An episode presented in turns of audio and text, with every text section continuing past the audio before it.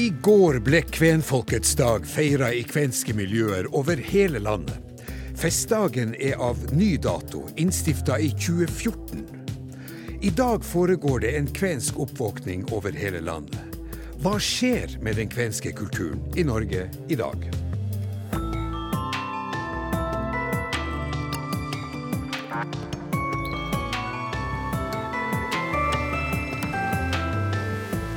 Terve Tullema. Det var kvensk, og det betyr velkommen til sendinga. I lys av kvenfolkets dag skal vi se at det foregår et intensivt gjenreisningsarbeid for å redde kvensk språk og kultur. Mange nordmenn har kvenske aner uten å vite det. Kan økt fokus på kvensk kultur føre til at flere finner tilbake til sine språklige og kulturelle aner? Til å finne ut av dette her har vi eh, flere gjester i studio. Det er Hilja Huru, leder for eh, Norske Kveners Forbund. Professor eh, emeritus Einar Niemi. Journalist Laila Lanes i NRK Kven. Og Unni Elisabeth Eriksen, som driver eh, nettstedet Ordspinneriet. Og først til deg, eh, Unni Elisabeth Eriksen. Du bor i Horten og er med oss fra studio i Tønsberg. Og du skriver på dine nettsider Ordspinneriet at du har vært kven siden fødselen, men visste det ikke. Når var det at du ble klar over dine kvenske røtter? Ja, det var eh, veldig, veldig rart. Det var faktisk i august i fjor. Så det er en ganske sånn ny oppdagelse, for jeg er jo ikke akkurat noen ungdom, jeg er blitt 60, og da Det ja. å føle Ja, ikke sant? Det å ha levd et helt liv på den måten, og så ikke ha hatt det som en del av bevisstheten min en gang, det, det syns jeg er merkelig, og jeg har eh, det, det, det, er rart enda, altså. Jeg syns det er veldig rart. Ja, den nye oppdagelsen er jo ikke året gammel ennå, nei. Men uh, du, du, du, skriver uh, på, på, dine sider at uh, i din oppvekst så ble det aldri snakka om det, men du hadde noen mistanker?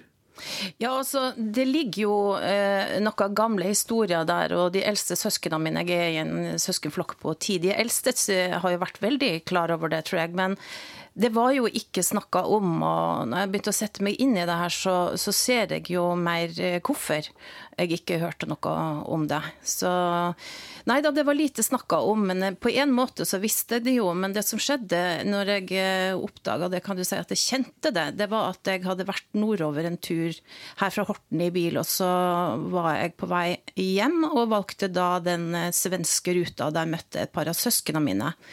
De skulle da oppsøke en eh, gård som de visste det var slektninger i, og jeg blei med. Eh, og der satt jeg plutselig i et rom sammen med folk som hadde eh, på et eller annet tidspunkt hadde de samme forfedrene og formødrene ja. som jeg. Hvor det var henne? Det var i Tornedalen, og det ja. var på en gård som, som, da har vært i, i den slekta der i tolv generasjoner, tror jeg. Så de Ja. Så der satt det plutselig, og så var jeg kven, og det, det var veldig, veldig rart. Du forteller både om en indre og en ytre reise på, på jakt etter uh, identiteten som var ja. viska ut. Ja. Uh, for meg så blir jo den indre reisen den, uh, den, viktigste. Og jeg tror grunnen til at jeg har lyst til å fortelle om det, det er jo at jeg opplever det sånn at jeg er ikke aleine om det her. Laila Landes eh, kollega her i NRK, du driver NRK Kvensk, som er NRK sitt tilbud til kvener og norskfinner. Og eh, den historien til eh, Unni Elisabeth Eriksen, den, den har du fortalt meg, den er ikke unik. Du får inn mange sånne historier fra over hele landet? Ja, vi får inn uh, historier. Jeg er jo sjøl kjenner meg veldig igjen det, i det hun forteller om. Ja. Fordi at jeg i godt voksen alder for seks, syv, åtte år siden begynte med slektsgransking og fant masse kvenske haner som jeg visste ingenting om.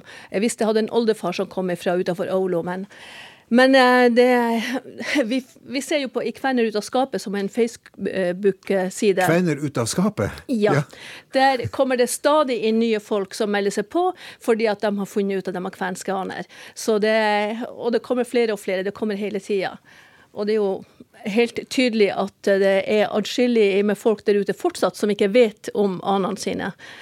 Så um, det kan komme mye spennende videre framover. Og Vi har også med oss eh, Hilja Huru, og du er leder av Norske Kveners eh, Forbund. Laila og Unni her snakker om kvensk oppvåkning. Og hvor mange kvener regner dere med at det er i Norge? Ja, Det finnes ikke noen helt sikre tall på det, noen moderne tall, men forskere anslår det til å være mellom 50 og 70 000. Det er to ulike forskere som har to forskjellige tall der på det. Og det er et minimumstall man regner med. Og det er basert på en helseundersøkelse på 80-tallet hvor man registrerte språk eller etnisitet. Nettopp. Mm.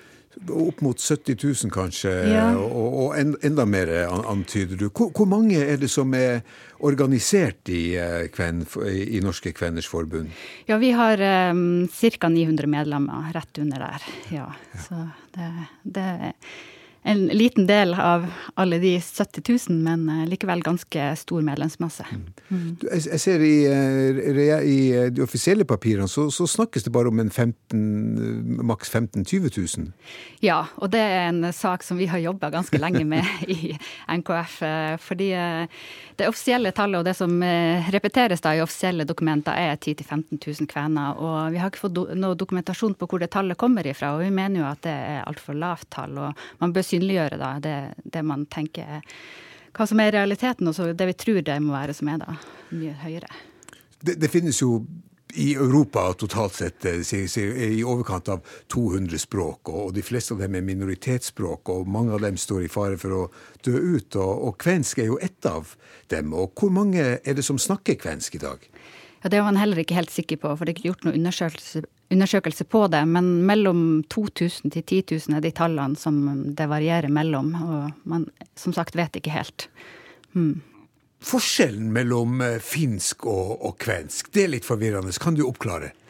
Ja, Det er ikke så lett å svare på det spørsmålet. Det er noen som sier at forskjellen sånn cirka som mellom eh, norsk og svensk. Men samtidig har du, har du kvenene som snakker kvensk, som syns det er vanskelig å skjønne finlendere når de snakker finsk. Eh, så akkurat hvor stor den forskjellen er, det vet jeg ikke. Og forskjellen er nok mest på grammatikken. Vi har en del, eller veldig mange ord felles. Men, eh, men det er noen forskjeller der som gjør, gjør det vanskelig å forstå hverandre. Eh, men de her eldre kvenene som snakker kvensk, de sier at de skjønner bedre karelsk f.eks., og faktisk estisk enn finsk. Så det er jo interessant. Og selvsagt meänkieli i Tornedalen, det forstår man. Meänkieli, altså tornedalsfinsk. Er det da å forstå at eh, kvensk blir en slags sånn gammel finsk som ble snakka i Finland for 100-200-300 år siden? Språklig sett så er jo de språkene beslekta, helt klart, og, og skilte lag på et eller annet tidspunkt og ja. utvikla seg i hver sin eh, retning. Hvordan er språkutviklinga? Vet man sånn cirka om det er færre eller flere som snakker kvensk? Ja, eh, det er nok en språknedgang nå. at eh, Tendensen er at det går nedover. Men det er veldig mange gode prosjekter på gang, og vi særlig retta mot barn og ungdom. Eh, som er den viktige målgruppa å nå når man skal løfte et språk og revitalisere et språk. Så der, i den aldersgruppa, begynner trenden å snu, så, så det lover godt.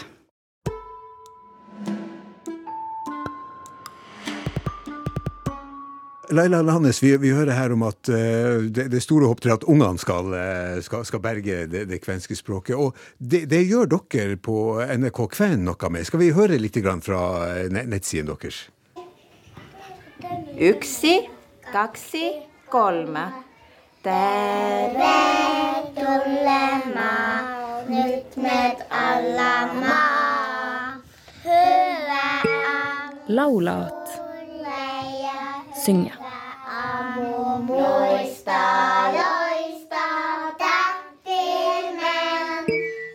Laulu. Sang. Ja, Laila, hva det var vi hørte her? Eh? Ja, Det er et prosjekt vi har jobba med siden før jul. Vi har vært ute i, eh, oppe i Lakselv, i den kvenske avdelinga på Bærtua barnehage. Og så har vi vært i Mandalen i Kåfjord i Troms, hvor eh, Fem gutter tar kvensk på, eh, på barneskolen. Uh, og dette er da Dette var jo fra unger i, i barnehagen i Lakselv som, som, lærer seg kvenske ord. Og vi har laga opplæringsvideoer uh, hvor folk kan få lære enkle, små ord og små, korte setninger, som vi legger ut på denne kvensida nå. Og målet er jo å få spredd det kvenske språket ut eh, til unger, at unger skal få mulighet til å lære. Vi har fått forespørsel fra foreldre at kan dere ikke lage tilgangskurs eller noe sånt. Vi vil lære, ungene, vi vil, vi vil at ungene våre skal lære. Så, um, så uh, det er et prosjekt vi har jobba med. og nå lanserer vi dem en gang for uka på kvensida, de her videoene. da. Eh, så. Og målet er jo at, at ungene skal lære, og voksne skal lære litt, og bli nysgjerrig på dette språket. Og på en måte kanskje bli med og prøve å redde det. det ja, ja, ja. En, en, skjerv til språkarbeidet fra, fra NRK Kven. Og eh, Hilja Huru, det, det, finnes en del eh, kvenske språksentre omkring i, i, landet. Ikke mange. Kan, kan, du, eh, kan, du, fortelle oss hva situasjonen er? Ja, så Vi har lenge hatt et språksenter i Storfjord kommune. Eh, I nu, Troms? I Troms, ja. Og nå eh, starter det tre nye språksenter. Ett i Vadsø, eh, ett i Kvænungen og det siste i Porsanger, som er under eh, etablering. Eh, og det er en del av satsinga til regjeringa på kvensk språk. Og vi, vi, ser at de her språksentrene er veldig viktige i det arbeidet for å revitalisere språket. Og allerede de her tre nye skaper språkaktiviteter lokalt, og man legger merke til språket i mye større grad enn tidligere. Og det er en, en viktig brikke i det revitaliseringsarbeidet som gjøres nå, og, og det trengs eh, flere sånne språksenter. Eh, Tana og Alta f.eks. er områder som peker seg ut der, og kanskje Tromsø også. Mm. Er det kontroversielt? Nei, det er det ikke. Det er gjort på samisk hold i mange mange år, og det er en, en veldig velkjent metode for å, å, hjelpe til med språket lokalt. Og det er også, de her Språksentrene vil jobbe opp mot skole og barnehage også, som er en viktig del av deres oppgave. Da skjønner jeg at da er det, da er det altså Selv om uh, språksituasjonen er, vanskelig, eller skal vi si uh, litt usikker, så, så, er det positive ting på gang. Så det er en del av denne kvenske oppvåkninga som vi snakker om til å begynne med. Ja da, det er det. Og det som Laila og Unni har vært inne på, det er flere og flere som oppdager sine kvenske aner, og som etter hvert eh, vil ta tilbake språket. Og grunnen til at språket er i den situasjonen den er i dag, er jo fornorskningspolitikken som ble ført mot kvenene. Men vi ser at uh, de her tiltakene uh, vi håper at det, det virkelig eh, hjelper. At vi om noen år har tospråklige barn, kvenske, norsk tospråklige ja. barn. Vi skal rette blikket etter hvert også mot uh, historien, men, men før, vi gjør, før, vi gjør, det, så uh, skal vi også høre at arbeidet med å fremme kvensk kultur også foregår i, i, kunsten. Fordi at en ny generasjon kunstnere er i ferd med å oppdage sine kvenske røtter, og ønsker å gå inn i kvensk kultur med kunstnerisk undersøkende blikk. Og en er den 23 år gamle kunststudenten eh, Åsne Mellem. Hun har reist landet rundt med fotoapparat for å finne ut uh, hva det vil si å være kven i dag. Og uh, kollega Marit Garfjell har møtt Åsne Mellem, og hun fikk se noen av de bildene som Åsne har tatt til nå. Nå er han Åge i, i boden. Så er det kontraster til Maja på 20 år i Oslo, som eh, kommer fra Pasvik, men nå jobber på en bar i, eh, i, Oslo sentrum. Så det er litt sånn deilig å få litt variasjon i det, da. Og det er derfor jeg reiser litt rundt. Jeg har eh, både pensjonister i Tromsø, men også da bartendere i Oslo. Det er jo Den kvenske kulturen er variert. Det er veldig fint å se. Hvorfor hadde du lyst til å, å prøve å finne ut hva Altså, hvem er kven? Hvem er kven? Uff, den tittelen. Uh, nei um, Det begynte vel med at jeg måtte Jeg begynte å hente det inn Jeg går jo på Kunsthøgskolen, uh, så jeg begynte å hente litt inn uh, inn det kvenske inn i arbeidet mitt, men så var det så veldig mange som ikke visste hva kvensk var for noe. så da, da måtte jeg jo vise det, da. Men å vise hva som er kvensk var lettere sagt enn gjort. De fleste kildene som Åsne Mellem fant, viser til kvensk kultur slik den var for 200 år siden. Så for å fortelle hva kvensk kultur er i dag, møtte hun norske kvener med fotoapparat og et lyttende øre, og stilte dem spørsmålet hva er kvensk for deg? Det er veldig mange som prater om fornorskninga når de prater om, om det kvenske. Det er veldig mye sårhet. Um, og så er det også veldig mange som snakker mye om det samiske. Uh, og det syns jeg er veldig interessant. Uh, at uh, til og med de som definerer seg med det kvenske, ikke alltid klarer å prate om det kvenske uten å referere til det samiske. Hvorfor det? Nei, det er jo noen som, det er jo veldig mange som, som identifiserer seg både med det samiske og det kvenske, altså trestammersmøtet. Og det er jo fantastisk at man kan bruke ressurser i alle, i alle leirer. Uh, så er det andre som kanskje har et litt mer vanskelig forhold til, til, de møtene. Da. At de føler at de samiske har rettigheter som de kvenske ikke har. Og at de har tilgang til mer penger og større ressurser og blir hørt mer. da. Og det er tungt å høre på. Samtidig som at eh, det er veldig mange som tenker fremover også. Hvordan kan vi jobbe videre med det her? Hvordan kan vi bli mer hørt? Og jeg merker at det er en veldig stor uh, Det er veldig mange som sitter på mye personlig ressurs. At de, de er villige til å kjempe saken. Um, så ja, det er mye prat om fornorskninga og veldig mye prat om at folk har språket, eller at de ikke har språket. Det er også en veldig sånn, uh, sånn skille. Så, men alle har den fellesnevneren at de er stolt. De er uh, glad for at jeg kommer og prater med dem, og at de kan være med og vise fram kulturen. da.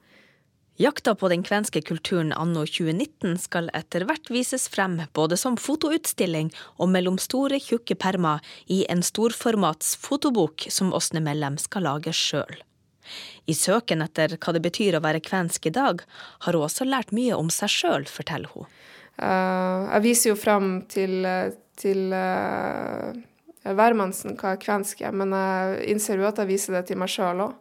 Og kanskje flere i min egen posisjon da, som ikke er helt sikker, og som, som står i et sånt skillepunkt om man skal involvere seg i kulturen eller ikke. Og for din egen del, hva vil det si å være kvensk i dag? For meg så er det er det kvenske å, å være litt sånn ambassadør. og, og, og, reise rundt og, og vise det fram.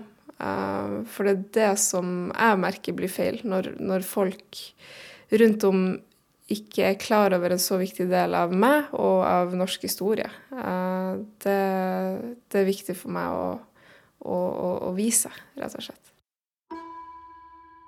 Per Christian Olsen spør hva skjer i NRK P2? En kvensk oppvåkning er i gang. Men vil det truede kvenske språket og kulturen overleve? I studio Hilja Huru, leder for Norske Kveners Forbund. Einar Niemi, professor i historie. Laila Lanes, journalist. Og Unni Elisabeth Eriksen i Ordspinneriet. Professor emeritus eh, Einar Niemi, eh, du er med oss fra Vessisari. Eh, og Vessisari, det er Vadsø på, på, på norsk. Og eh, historisk så er jo Vadsø kvenhovedstaden i Norge. Ja, eh, det uttrykket det kom opp eh, på midten av 1800-tallet, altså kvenenes hovedstad i Norge, når man noen gang het også Finlands hovedstad i Norge.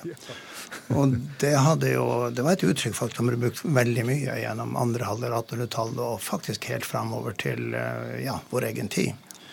Og det hadde jo sammenheng med for det første at de gamle uh, ferdselsveiene på Nordkalotten, altså mellom Botnevika på den ene siden, på kryss og tvers av Nordkalotten og til Ishavet, en av de viktigste ferdselsveiene, endte faktisk i uh, Vadsø.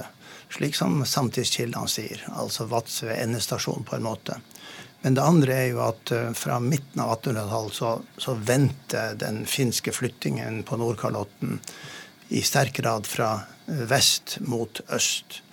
Slik at eh, rundt Varangerfjorden spesielt så oppdaga man nye ressurser, eh, udyrka land. Eh, Fisket var veldig rikt, og det svingte seg veldig opp akkurat i den perioden her. Og i løpet av veldig kort tid så ble Vadsø altså en flerkulturell by. Med innvandrere ikke bare fra Finland og Sverige, men også fra Sør-Norge, og faktisk også fra utlandet. Og hvis vi går til folketellingen av 1875, så er jo godt over halvparten av byens befolkning er da kvener, særlig basert da på språk ja. som kriterium. Ja. Setter det ennå preg på Vadsø av i dag? Ja, Det ene er jo at byen sjøl liker jo gjerne å markedsføre seg bl.a. som kvenbyen. kvenbyen. Og eh, byen huser jo nå et museum som er under sterk utbygging, har fått store bevilgninger over statsbudsjettet, som tar sikte på å bli en slags, et slags kvensk nasjonalt museum. Ja. Og vi ser vel en del også kvensk byggeskikk, for eh, Vadsø var jo i den situasjonen under krigen eh, mens resten av Finnmark ble brent, at eh, en, en, noen hundre hus ble faktisk stående igjen i Vadsø. Tyskerne forlot før de rakk å begynne å brenne der. Ja, det er jo nesten en slags skjebnens eller historiens ironi at hele det gamle sentrum av Vadsø, som gjerne ble kalt for nordmannsbyen, ble totalt ødelagt under andre verdenskrig. Mens de to Eh, kvenske bydelene, Ytre Kvenby og Indre Kvenby, de kom fra krigen nesten uskadd. Sånn at her er massevis av materielle minner om kvenkulturen fra før andre verdenskrig. Så har vi selvfølgelig massevis av slektsnavn som er finske, og mange tradisjoner i byen. Ikke minst en, en eh, badstuekultur, en saunatradisjon som har vært kontinuerlig siden innflyttingen og fram til i dag. Ja. Vi, skal, vi, kan komme litt tilbake til eh, den. Men først, Einar Enar Niemi, du, du snakka om eh, innvandringa fra, fra, Finland, at den kom i, i, bølger. Først lenger vestover, vel inn i Troms, mente du da kanskje, og så et, etter hvert mot Varanger-området. Når kommer de store innvandringsbølgene til Norge, og hva, hva skyldes det? Ja, Det ene er jo at uh, vi har jo dokumentasjon på at det har vært uh, kontakt mellom finskspråklige områder og Ishavskysten allerede i middelalderen. Mange typer former for kontakt, ikke minst markedshandel og etter hvert også da sesongreiser til fiskeriene. Men det vi kan ha, ha, kalt den kvenske bosettingen i Nord-Norge, den etablerer seg da i faser fra første halvdel av 1700-tallet og framover til slutten av 1800-tallet. Og det er distinkte faser. Den første fasen er en slags utvidelse av det finske eh, jordbruksområdet i Nord-Finland, der man mer og mer tok større og større deler av lappmarkene i bruk. Og til slutt så uh, endte denne ekspansjonen uh, over vannskillene og på norsk side av grensa. Sånn at den første bosettingen får man da i elvedalene og innerst i fjordene, og spesielt i Nord-Troms og Vest-Finnmark og Indre Finnmark. Hvorfor kom de? Hva, hva, var grunnen til at de søkte til Norge? Ja, I den første fasen så tror jeg det er riktig å si at de, disse finske bosettingene på en måte ble overbefolka ut ifra den tidens teknologi og tilgang på ressurser. Slik at det var en overskuddsbefolkning som flytta lenger og lenger nordover etter nytt land. Men hvis vi kommer til 1800-tallet, så kan man gjerne omtale flyttingen som en form for moderne masseflytting, der arbeid og arbeidsmarkedet virka veldig sterkt. Og det er en periode med ekspansjon på kysten av Nord-Norge, og særlig Finnmark. Fiskeværene vokser veldig, det er godt fiske. Det kommer industri, gruver osv. som hadde et enormt behov for arbeidskraft. Migrasjon har vært, har vært faktisk det normale på Nordkalotten? Ja, ikke bare på Nordkalotten. Eh. Moderne forskning har vist at migrasjon er en del av uh, historien som mange andre. Og det som er spesielt da for Nordkalotten, det er jo at nyere forskning viser en veldig form for mobilitet på tvers og interaksjon på tvers av grensene. Det ene er jo selvfølgelig at reindriften flytter over grensene, har gjort det i hundrevis av år. Det andre er arbeidsmarkedet, og det tredje er altså migrasjon og handel. Ja, og i dag så kan vi jo slå fast at eh, fiskerikommunene i Finnmark eh, er blant de kommunene i landet som har størst innvandrerbefolkning. Og Båtsfjord har jo med sin over 30 eh, faktisk større innvandrerbefolkning enn Oslo. Men Einar Niemi, et annet spørsmål. Hvordan kan vi når vi går tilbake i historien være sikre på hvem det er som har kvenske aner? Eh, når vi kommer til de moderne folketellingene utover på 1800-tallet, særlig da fra 1865 og utover, da vi får de første nominative tellingene med individer og navn og fødselsår og alt sånn, så mener vi nok at de er ganske sikre på, eh, på rubrisering av etnisitet. Og etnisiteten skulle jo da registreres. Men det er også klart at her er store problemer. Det er ikke minst eh, folk som er som representerer både en samisk bakgrunn, en norsk bakgrunn og kanskje også en finsk i tillegg. Altså det som samtida kalte for blandingsnasjonaliteter. Men går vi tilbake til 1801 og tida før, så er det kjempestore problemer med kildene. nettopp på den etniske reviseringen For det første er den ofte mangelfull, men for det andre har jo flere og flere forskere sett at mange kvener skjuler seg i det såkalte sjøfinnemanntallet. Mm. Altså i manntall som registrerer den eh, bofaste eh, samiske kystbefolkningen. Og, og, det skyldes kanskje at man, man, gifter seg med hverandre, og det blir, eh, det blir litt uklart hvordan man skal rubrisere seg, sannsynligvis.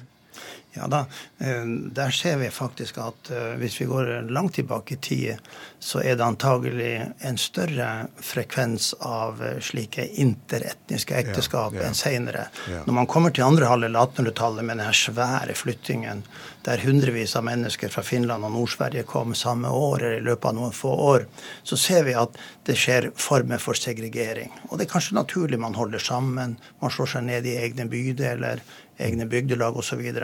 Da har vi en periode med liten, en mye mindre grad av slike fleretniske ekteskap, og dermed av denne såkalte blandingsbefolkningen.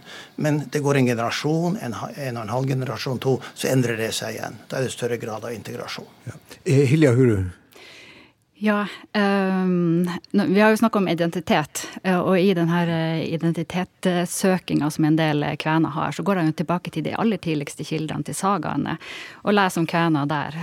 Og det er jo en del interessante historier å lese der. Så jeg vet ikke om Einar, om du kunne si litt mer om det? Du som er historiker, vil jo fortelle det bedre enn meg. Ja, det er jo en veldig spennende sak. Hvis vi går til middelalderkildene, og vi kan gå helt tilbake til den aller første skriftlige beretningen om Norge, gitt av en som, som, som bor i Norge, dvs. Si Nord-Norge, i dette tilfellet Ottars beretning, så omtaler han jo både kvener og, og, og samer. Og da er vi på slutten av 800-tallet? Ja. Og det er klart at på, på, den ene siden så er beskrivelsen ganske presis når det gjelder folkegrupper på Nordkalotten. Mm. Og også på en måte sammen, altså hvordan man forholdt seg til hverandre osv. Men det er også samtidig Og sagamaterialet, altså disse kongssagaene og sånn, har mye om, om det samme.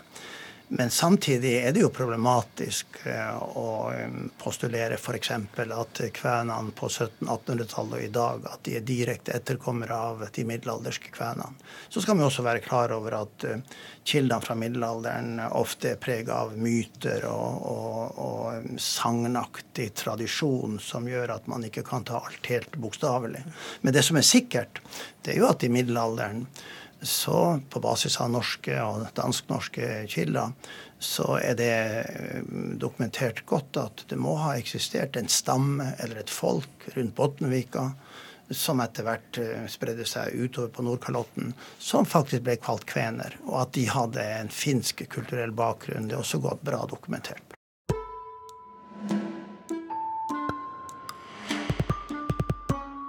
Ja, Det er jo kjempeinteressant eh, dette her at det har vært folkeforflytning eh, hele tida. Og Einar Niemi, har det ført til noen problemer, konflikter, eh, på etnisk grunnlag, eller har det vært fredelige forhold?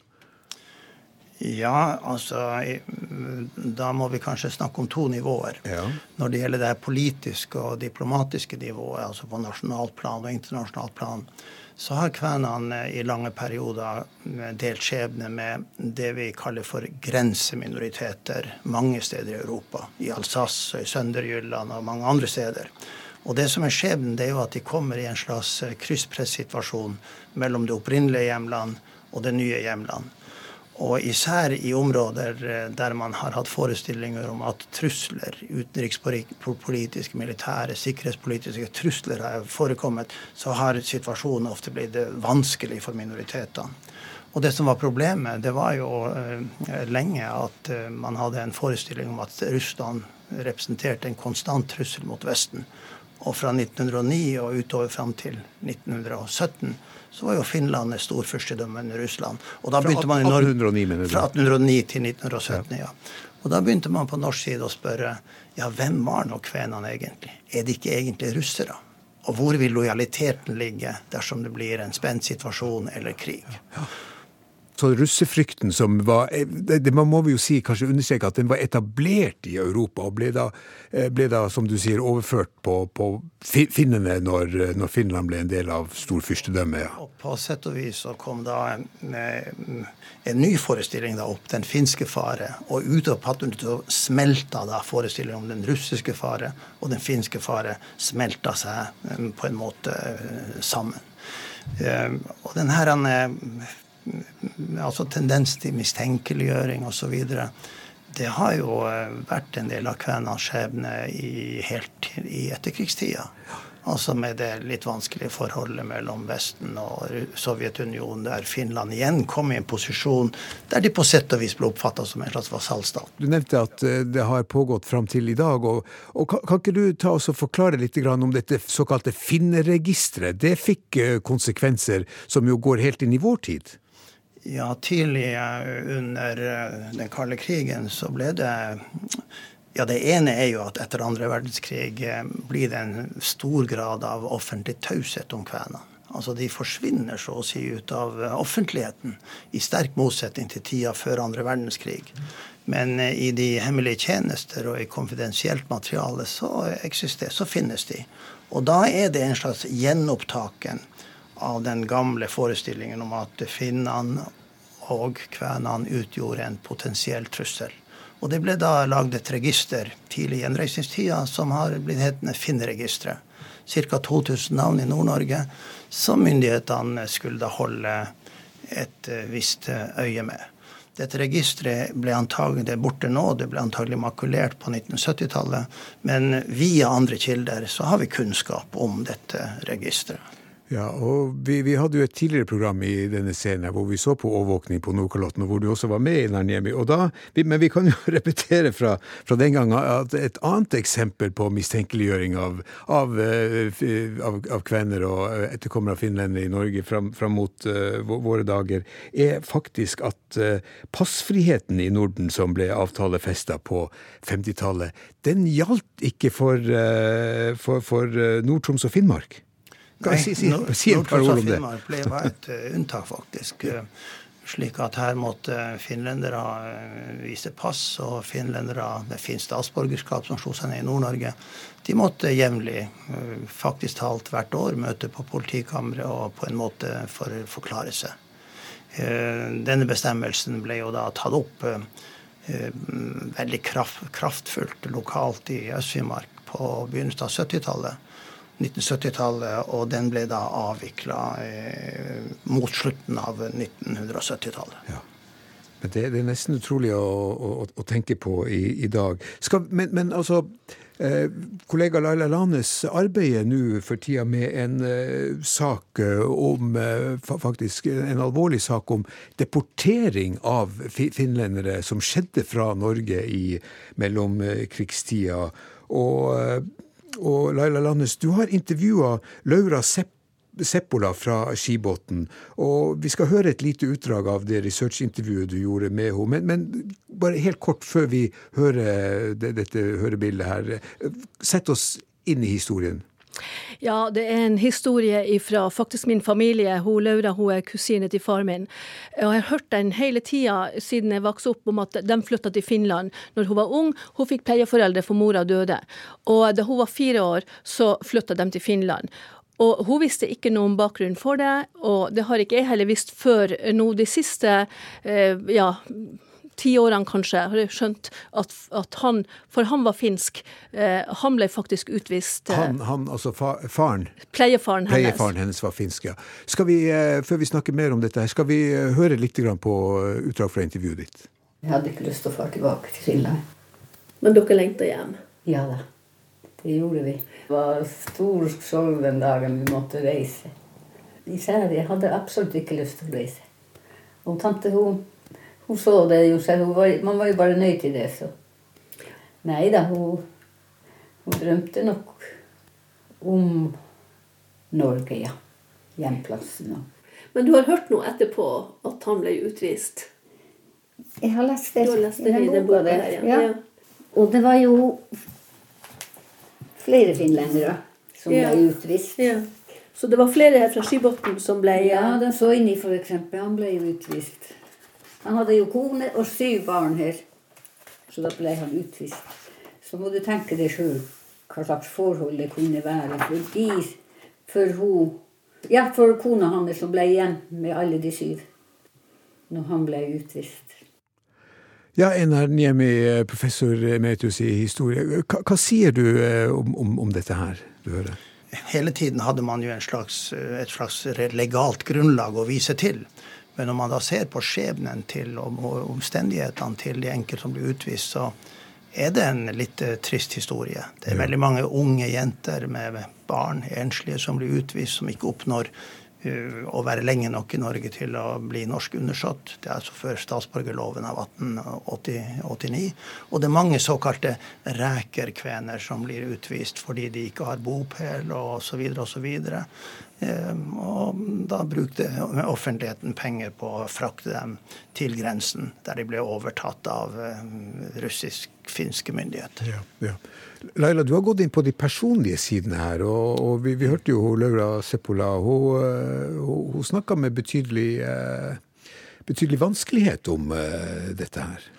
Ja, Hun forteller jo at de lengta tilbake, hun og tanta da lengta tilbake og grudde seg hver gang de hadde vært på ferie i, i Lyngen, da, og, eh, som var hvert år, og grudde seg for å reise tilbake til Finland. og eh, Tanta døde da, eh, da Laura var en eh, 18-19 år, så da flytta hun tilbake igjen til, til Norge. Eh, men eh, det er klart at eh, hun hadde et betydelig savn med at hun måtte bo der. Men det har jo gått bra med henne. det har det jo. Men, og denne Soini-familien er jo også ganske tragisk, da. Den boka hun Laura nevner, der står det at han bosatte seg i en gamme rett over grensen i Finland, og bodde der til han døde ikke så veldig mange år etterpå. Einar Niemi, finnes det belegg for at uh, det var noe hold i mistanken mot uh, disse menneskene her? Var det en, har det på noe tidspunkt vært en slags finsk femtekolonne i Norge som arbeider for at Finnmark, eller deler av Finnmark skulle innlemmes i, i, i, det, i det, finske riket? De har gjort ganske mye forskning i, i den siste generasjonen akkurat på det spørsmålet der. Og en eh, overordna konklusjon er altså at eh, denne faren var forestilt. På den måten at det lar seg ikke gjøre å dokumentere på basis av eh, kildemateriale at finske myndigheter eller russiske myndigheter hadde planer om erobring av Finnmark og deler av, andre deler av ishavskysten. På den andre siden hvis vi går til slutten av 1800-tallet og utover i særlig mellomkrigsårene, spesielt innen 20-tallet, så var det jo eh, storfinske ideer eh, som gjorde seg gjeldende. Spesielt i organisasjoner knyttet til studenter, universitet osv., frivillige organisasjoner, som eh, var ganske aggressiv i sin politikk overfor det de kalte for utenlandsfinnene der tanken var at man på sett og vis skulle samle alle de om man brukte ordet, de finske stammer skulle man samle. Og da ble det lagd kart osv. som eh, bidro til å nøre opp under tanken om den finske fare. Kart som omfatta finske kart som omfatta Baltikum og, hele, og store deler av Nord-Norge. Ja. Sånn at uh politikk, politikken levde sitt liv, og så levde menneskene eh, sitt liv i, i, i Vadsø og langs Finnmarkskysten og, og nedover til Troms. Ja, så det er klart. På den ene siden så var det jo Dette er jo et stands- og klassesamfunn etter hvert, slik at det var en slags rangering mellom folkegruppene. Ja. Og det er ingen tvil om at den rangeringen på mange måter var offisiell ved at man uh, brukte en sånn rangering når folk kom på butikken, f.eks. Nordmenn skulle, skulle betjenes først. Men i hverdagslivet så ser vi jo da utover på 1900-tallet at integrasjon skyter jo fart. Delvis som et resultat av politikken, av fornorskningspolitikken i skolen, mange andre tiltak. Men også moderniseringen i seg sjøl. Ja. Og mer og mer går det i retning av eh, interetniske ekteskap, og også en utjevning i eh, næringslivet, i yrkeslivet. Men vi ser jo f.eks. i statistikken at det tar eh, kvenbygdene henger lenge etter f.eks. i utdanningsnivå. Det tar veldig lang tid før kvenbygdene for alvor tar videre gående, for ikke å snakke om høyere utdannelse. Ja, nettopp. Per Christian Olsen spør hva skjer i NRK P2? En kvensk oppvåkning er i gang. Men vil det truede kvenske språket og kulturen overleve? I studio Hilja Huru, leder for Norske Kveners Forbund. Einar Niemi, professor i historie. Laila Lanes, journalist. Og Unni Elisabeth Eriksen i Ordspinneriet. Med den kvenske kulturelle oppvåkninga så har vi også fått et nytt blikk på at kvensk er en ressurs. Og forfatter Arvid Petterson fra Porsanger fikk erfare at han kunne komme veldig langt med det kvenske språket når han la ut på reise. Jeg har reist veldig meget i svensk Tornedal, hvor man snakker vårt språk med angeli, og det ligner veldig på det kvenske i Nord-Norge. Og jeg har reist i Estland. Jeg har reist mye i Finland. Jeg har reist mye i eh, Russland, inn til eh, Onegasjøen, der Petroskoj, Petrosavotsk, ligger. Der har de en eh, finsk-ugrisk skole. Eh, hvor man møter fire forskjellige finsk-ugriske grupper. Og eh, to av dem er karelsk. Og de tar vare på både språk og kultur generelt. Både dans og folkeminner osv. Og, og de utgir avis og har radiosendinger. Når du reiser uh, i uh, Sverige, Finland, Karelen i, i Russland og, og, Estland, da kan du som kven faktisk snakke med folk, har jeg forstått? Ja, i eh, Karelen, ved, i Petrosavatsk, så hadde jeg veldig mye glede av å snakke med karelere. Og uh, det viste seg at uh, jeg kunne faktisk mange ord som de forsto veldig godt. Jeg har jo da oppdaga gjennom mine intervju at um, i, under pomorhandelen som foregikk mellom folk fra Kvitsjøen i over 200 år, Eh, når de kom lengst vestover, så kom de jo faktisk helt ned til eh, Sør-Troms og Nordland med sine små seilbåter og tok imot fisk og leverte rugmel. Over 200 år. Og det har vært forska veldig mye på russenorsk. Men eh, ingen har spurt tidligere kunne kvener i Nord-Norge snakke med pomorer som var karelere. Og mitt svar er ja. Nettopp. nettopp. Så du har ikke bare russenorsk, du har uh, russenorsk-finsk på, på, en eller annen måte? Ja. Og uh, det resulterte i at jeg intervjua folk som gikk herifra. Det er jo i år 75 år siden uh, sovjetrussiske styrker frigjorde Øst-Finnmark. Og folk fra Porsanger som overvintra her, de eh, dro straks østover for å verve seg i de norske styrkene som kom den 11. i 11. 1944. Og en av guttene fortalte at eh, de bodde sammen med russiske soldater og norske soldater i en bunkers. Og guttene fra Børselv kunne være tolk. For det var mange av de sovjetrussiske soldatene som var karelere. Nettopp. Og de forsto hverandre, akkurat sånn som du kunne forstå folk når du i vår, vår, vår tid reiste til, eh, til, Karelen, ja. Ja. Så da er altså kvensk, kvensk et internasjonalt språk, da?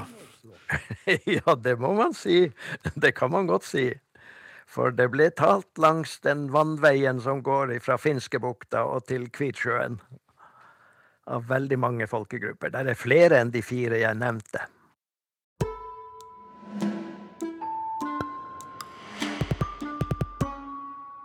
Ja, eh, Einar Niemi, dette som Arvid Petterson her sier, det understreker vel bare det du var inne på i sted om eh, folkeforflytninger eh, i, i, hele det, det, nordlige området? Det er klart, og den her folkeforflytninga og transaksjonen mellom folkegruppene har jo også ført til veldig utstrakt beherskelse av flerspråklighet. Eh, det var jo helt vanlig at folk kunne tre språk. Eh, da jeg sjøl var barn, og sånn, så opplevde jeg at eh, i en og samme familie så beherska man fullstendig samisk, finsk og norsk. Det er for øvrig interessant med hvordan samtida bakover tida oppfatter språk. På 1700- og 1800-tallet er det ikke sjeldent at finsk blir faktisk omtalt som karelsk. Og mange ganger så ser vi at kvenene får eh, en, ytterligere en merkelapp, nemlig at de er karelere. Sånn at for de som sto for en sånn statistikk og en registrering, de hadde ikke den fullstendige oversikten, men de ante jo at her var det en stor grad av slektskap. Eh, Hilja Huru, leder i Norske Kveners Forbund. Dere samarbeider jo over landegrensene mm. i nord. Det gjør vi. Vi har eh, bra samarbeid med svenske tornedalinger i, i svensk Tornedal. Ja. Eh, og eh, regner oss som ett folk. Og de kaller seg tornedalinger, eh, lantalaiset kvener i det området. De har lokallag opp til Kiruna. Mm. Og det er veldig givende samarbeid. Og når vi reiser ned dit, så eh, føler vi at vi kommer hjem. Og hvis de som kan kvensk, kan snakke sitt språk. Og eh, det, det er virkelig flott samarbeid.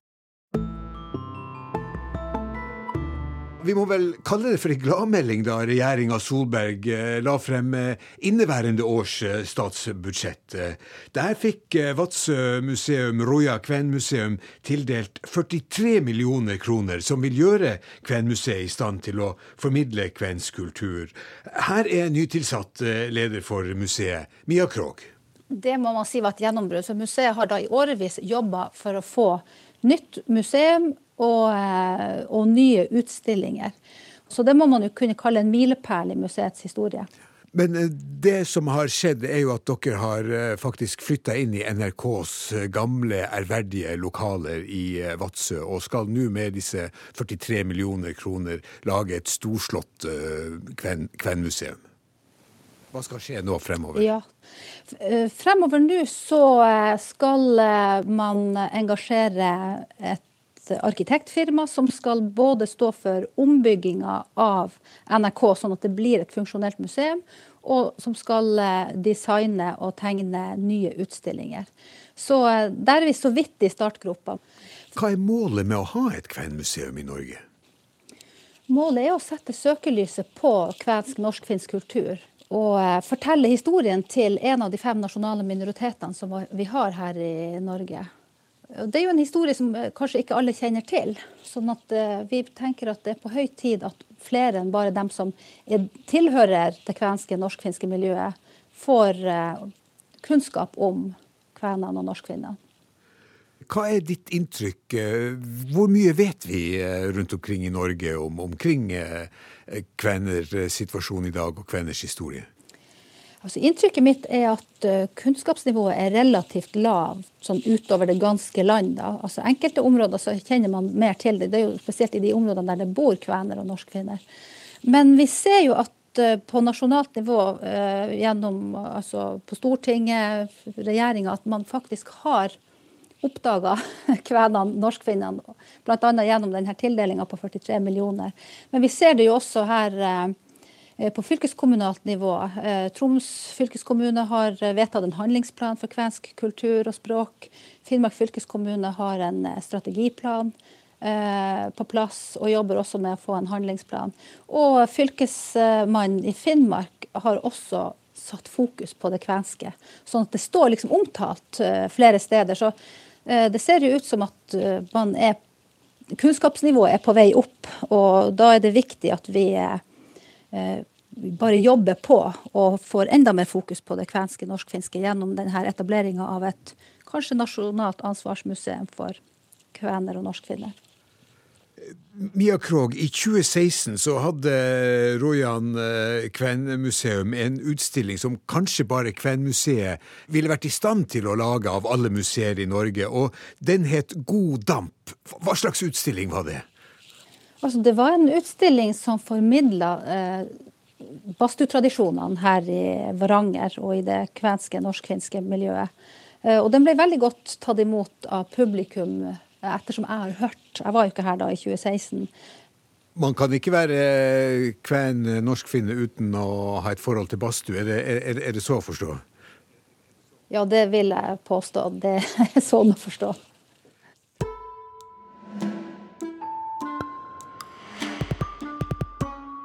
Ja, Vi begynte sendinga med deg, eh, Unni Elisabeth Eriksen. Og, og, du er jo sånn eh, Det er jo, det er jo under et år siden du oppdaga at du var, var, var kven. Og har, har du rukket å, å, bli innsatt i badstuekulturen? Nei, eh, når jeg var på reise nedover, så stoppa jeg i Pello, og da var det tre ganske røslige finner som inviterte meg i badstue, men ja. jeg avslo der, da. Oh, ja. eh, så det er vel ikke noe jeg er vokst opp med, så det er kanskje ikke der jeg begynner, da egentlig. Men eh, kan jeg si noe her ja. nå? Ja. Eh, for jeg har jobba litt med flyktninger. Og jeg sitter jo med veldig mange sånne tanker om at det er en del ting som er likt her. Niemi var inne på det der med utdanning, at det tok tid. Og jeg har jo, opplever jo at folk, når de lever under en sånn avmaktssituasjon, så går jo det litt i arv hos folk. Og om det kan ha noe med saken å gjøre, vet jeg ikke, men, eh, men det er nå en tanke jeg har. Og så et spørsmål, fordi når jeg var nede i Tornedalen og møtte den familien min, så snakka med altså Inger het hun i familien, hun var rundt 70. Så hun har jo opplevd veldig på kroppen den forsvenskingspolitikken. Veldig hardt, og den ligner jo veldig. Men det som slo meg når jeg kom, det var jo der jeg oppdaga at jeg var kven, rett og slett fordi at når vi kom inn og sa at vi var på jakt etter våre røtter, og, og, de nevnte vel kven, de søsknene mine, så slo hun eh, Så vi møtte oss med en gang opp eh, om på språket, for hun regna da med at vi kunne kvensk. Så det ja. som gikk opp for meg der og da, det var jo at min oldemor hun var kven før hun reiste fra Sverige, ikke når hun kom til Norge. For det som jeg på en måte hadde fått litt med meg da, det var det der med at kvena Da var du kommet til Norge. Nettopp, så du, begrepet eksisterte allerede i Sverige? Ja, eh, ja det var det de, altså de oppfatta ja. seg som kven av den familien. Nettopp. Kan du eh, nå skal svare på det? Ja, da, jeg, jeg, kan svare på det. og det, det, er mange som sier det samme. og Det er jo sånn som Einar har vært inne på her, det er jo en begrepsforvirring. altså Mange begreper som har vært brukt både om folket og språket. og Når vi har tar med de begrepene som er brukt på svensk side også, så, så er det ikke så lett å få oversikter og få eh, formidla denne historien på en enkel og grei måte. og det er jo noe som jeg også kjenner på når jeg prøver å forklare hva en kven er. Eh, men eh, det som Einar også sa, så vet vi ikke helt eh, hvor langt tilbake eller hvordan linjene har gått gjennom århundrene, men det er jo noe som er veldig interessant å se på. Ja. Mm. Det nærmer seg slutten, og bare kort til slutt, alle sammen. Hvordan ser, ser, fremtida, ser lysere ut for, for, for, kvensk språk og kultur i, i Norge? Laila Landes først. Ja, altså det ser jo betraktelig lysere ut nå enn det gjorde for noen år siden, vil jeg si. For det har jo skjedd veldig mye, ikke minst på regjeringsplan med at det kommer bevilgninger. Det, bevilgningene til eh, de kvenske formålene har jo økt eh, ganske mye, faktisk. Også de små eh, tiltakene. Men spørsmålet er jo om det er nok til at språket skal overleve. Det vet vi vel enda ikke. Hilja Hure, hva, hva tror du? Altså, det er veldig positive tiltak som skjer nå, men det er et stort etterslep eh, både på midler til det kvenske og for å ta vare på språket, også for å få bygd opp institusjoner som kan gjøre den jobben som trengs å gjøres. Så det gjenstår mye. Men, skal eh, kvensk språk og kultur overleve eh, Elisabeth Eriksen, så må vel folk ha lyst til å, å snakke kvensk? Og, og hva du tror eh, Er, er, er, den, eh, er den, driven til, til stede blant uh, dere også som oppdager nå at dere er, kvener? Hva, hva, din, hva, er din, spådom fremover? Vil, vil, vil det bli bedre vilkår for, for kvensk i Norge? Ja, jeg må jo si at jeg håper det, men jeg tror det er litt sånn eh, forvirrende for oss som er litt ny i det her. Og det er liksom hva tar vi tak i? Tar vi tak i kvendrakten, i flagget, i språket? Altså her er det ikke noe fysisk å ta tak i, så det kan vel hende at språk er noe for noen. Eh, for mange. For meg så blir det mer å forstå sammenhengene i dette her som eh, Hvorfor forsvant dette her? Hvorfor vil man ikke snakke om det? Og hva har det påført, og hva vil folk gjøre med det når det nå er mulighet for å få en åpning? Eh, og til sist, eh, professor emeritus Einar Niemi. Som historiker så har jo du studert kulturer som både kommer og, og går. Og, og hva, hva, hva, slags prognoser har du for det kvenske fremover? Ja, En historiker skal kanskje ikke spå, spå om framtida, men, men, la gå. Det ene er jo at tanken om å gjenskape og videreføre kvensk som hjemmespråk, det er en svær oppgave, og det er vanskelig det er massevis av utfordringer, og her er det jo kontinuitetsbrudd som man vil slite med. Men det er jo mulig. Jeg mener, Det som skjer i det samiske, er jo et forbilde. Det kan være godt å skjele til de erfaringene der. I andre land, som i Wales, har man jo klart å gjenskape faktisk det gamle språket. og det har også med status å gjøre. Og kvensk har jo i dag det fortrinnet at det er anerkjent som et som et offentlig språk i Norge. Men det andre er jo at eh, kunnskapene om eh, kulturen og, og eh, historien, bevisstheten om egen bakgrunn, gjerne, kall gjerne identitet, alt det der tror jeg jo bidrar til et rikere liv og også et rikere samfunn. Og med det, eh, hva skjer overfor denne gangen? I eh, studio eh, Hilja Huru, leder i Norske Kveners Forbund. Laila Lanes, journalist i NRK Kvensk. Einar Niemi, professor emeritus i historie. Og Unni Elisabeth Eriksen i Ordspinneriet.